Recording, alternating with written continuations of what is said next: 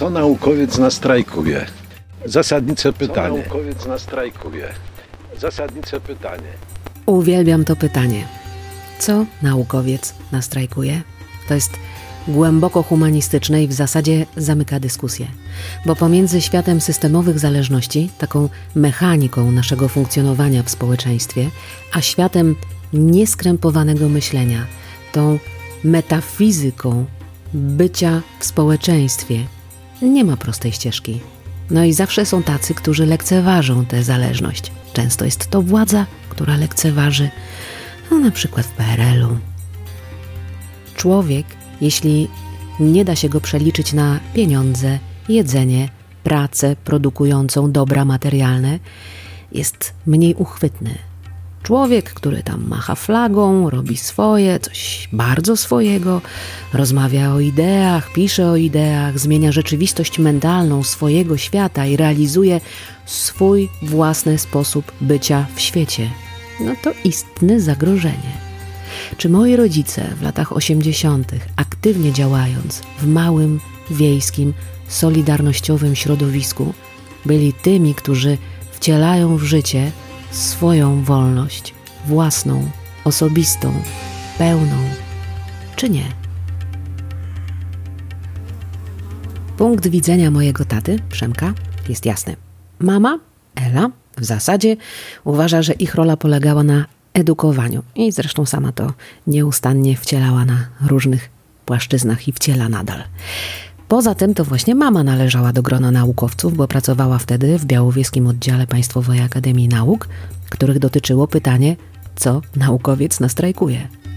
A tata wówczas jako leśnik produkował, produkował drzewo, no oddajmy sprawiedliwość ówczesnym porządkom, dbał o szeroko pojętą gospodarkę leśną. Co naukowiec na strajku wie? Zasadnicze pytanie. Weźmie flagę i pospaceruje po ulicy i to jest wszystko i to nie ma żadnego znaczenia politycznego dla zarządzających. Lata 80. w Białowieży, 1980 rok, środowisko naukowe nie było duże, ale było takie spójne. 30-40 osób było chyba. Wtedy więcej osób przyjeżdżało do Białowieży naukowo i wyjeżdżało, niż było w środku cały czas. Czyli Na No 2-3 lata robili, do, na przykład doktorat robił w Białowieży, zrobił doktorat, przyjeżdżał jako magister, zrobił doktorat, wyjeżdżał z Białowieży gdzieś. albo pracował gdzie indziej, to przyjeżdżał na delegację. No, Czyli jak gdyby korzystali z puszczy jako miejsca badań. Jako swojego, jak gdyby takiego no, miejsca zbierania informacji o środowisku leśnym. I wtedy to wykorzystywali, a potem można było wykorzystać już niekoniecznie tu, można było równie dobrze w Krakowie.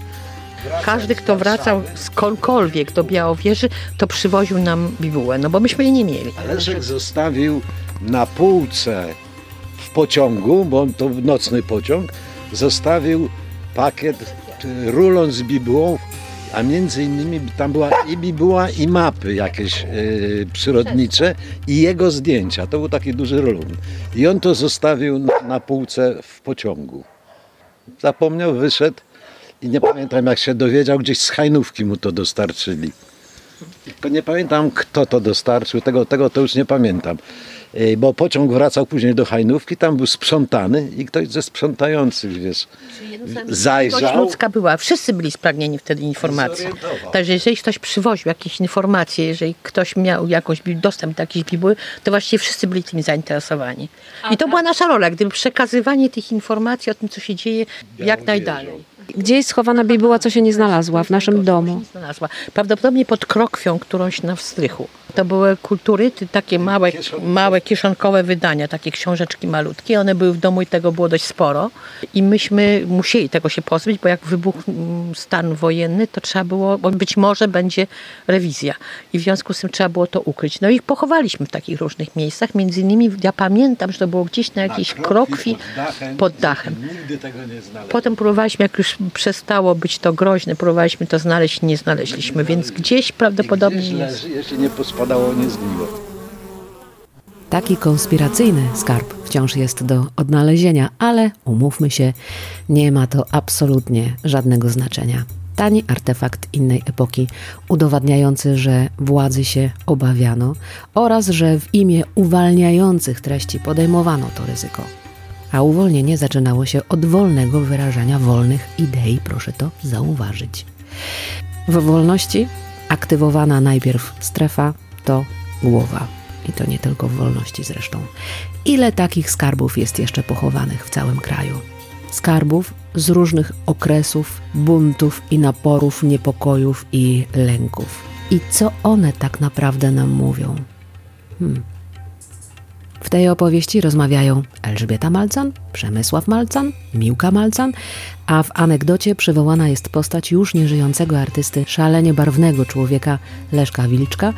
Zresztą przeciekawych osobowości u mnie na wsi naprawdę nie brakuje, także teraz. No, w gruncie rzeczy kampania o wolność wciąż jeszcze trwa, tylko wygląda inaczej. I na moment zmienię perspektywę, bo Fiodor Dostojewski napisał w swoim czasie – Jedyna wolność to zwycięstwo nad samym sobą. Od co?